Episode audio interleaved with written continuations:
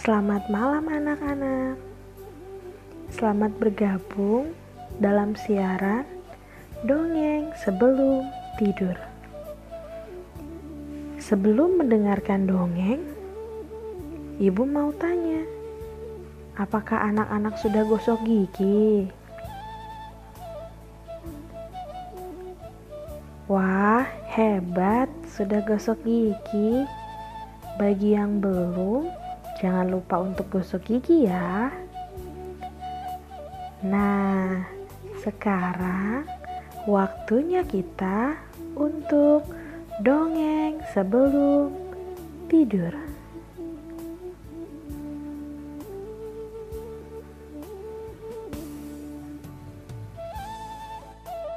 Kali ini, Ibu Gita akan mendongeng dengan judul Asal Mula Danau Toba.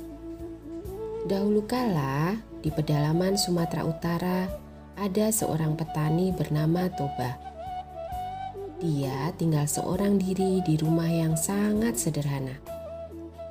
Kedua orang tuanya sudah sangat lama meninggal. Untuk memenuhi kebutuhan hidupnya, Toba bercocok tanam di sawah dan kebun peninggalan milik ayah ibunya. Masyarakat setempat mengenal Toba sebagai anak yang baik hati. Selain itu, Toba juga dikenal sebagai anak yang suka menolong orang lain. Pada suatu hari, Toba pergi ke sungai untuk memancing ikan. Setelah lama menunggu, Toba merasakan pancingannya ada yang menarik. Dengan sekuat tenaga, dia menarik pancingannya. Ternyata yang ia dapatkan adalah seekor ikan yang sangat besar. Toba langsung membawa ikan besar itu ke rumahnya. Sampai di rumah dia meletakkan ikan itu. Dia pun keluar mencari kayu bakar. Akan tetapi, ketika dia kembali ke rumah, dia tidak menemukan ikan besar itu. Alangkah kagetnya dia melihat seorang wanita berwajah cantik yang sedang duduk di kursi.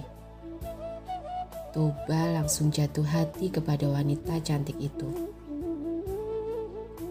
Dia pun mengungkapkan isi hatinya dan mengajak wanita cantik itu untuk menikah dengannya. Wanita itu mau menikah dengannya, asalkan Toba berjanji tidak mengungkit asal-usul dirinya. Toba pun menyanggupi persyaratannya. Menikahlah Toba dengan wanita cantik itu. Mereka berdua hidup bahagia. Tuhan memberikan Toba dan istrinya seorang anak laki-laki. Anak itu diberi nama Samosir.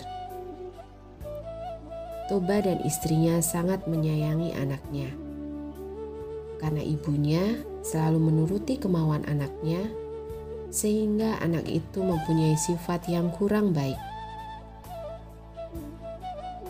Pada suatu hari, Toba sangat marah sekali terhadap Samosir anaknya, karena dia telah menghabiskan perbekalan untuk dirinya.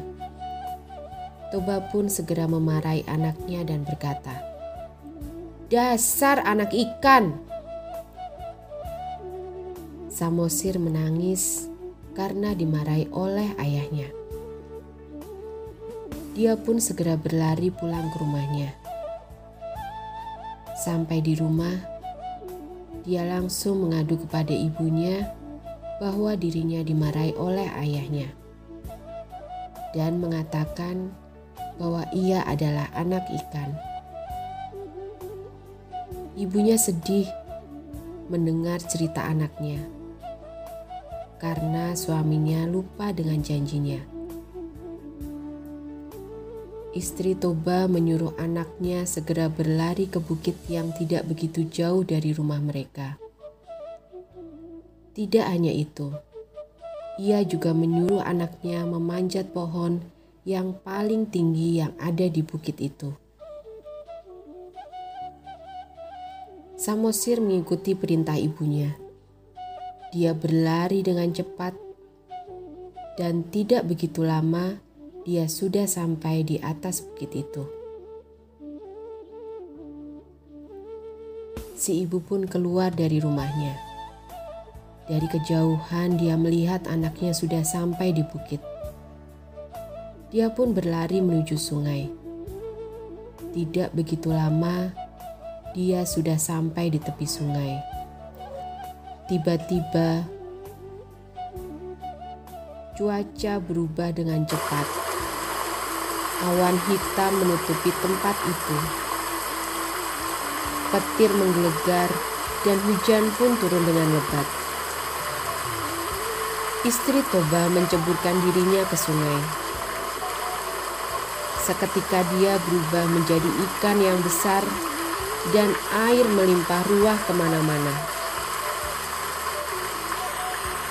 Toba yang melihat gejala alam yang tiba-tiba berubah, lalu berusaha menyelamatkan dirinya.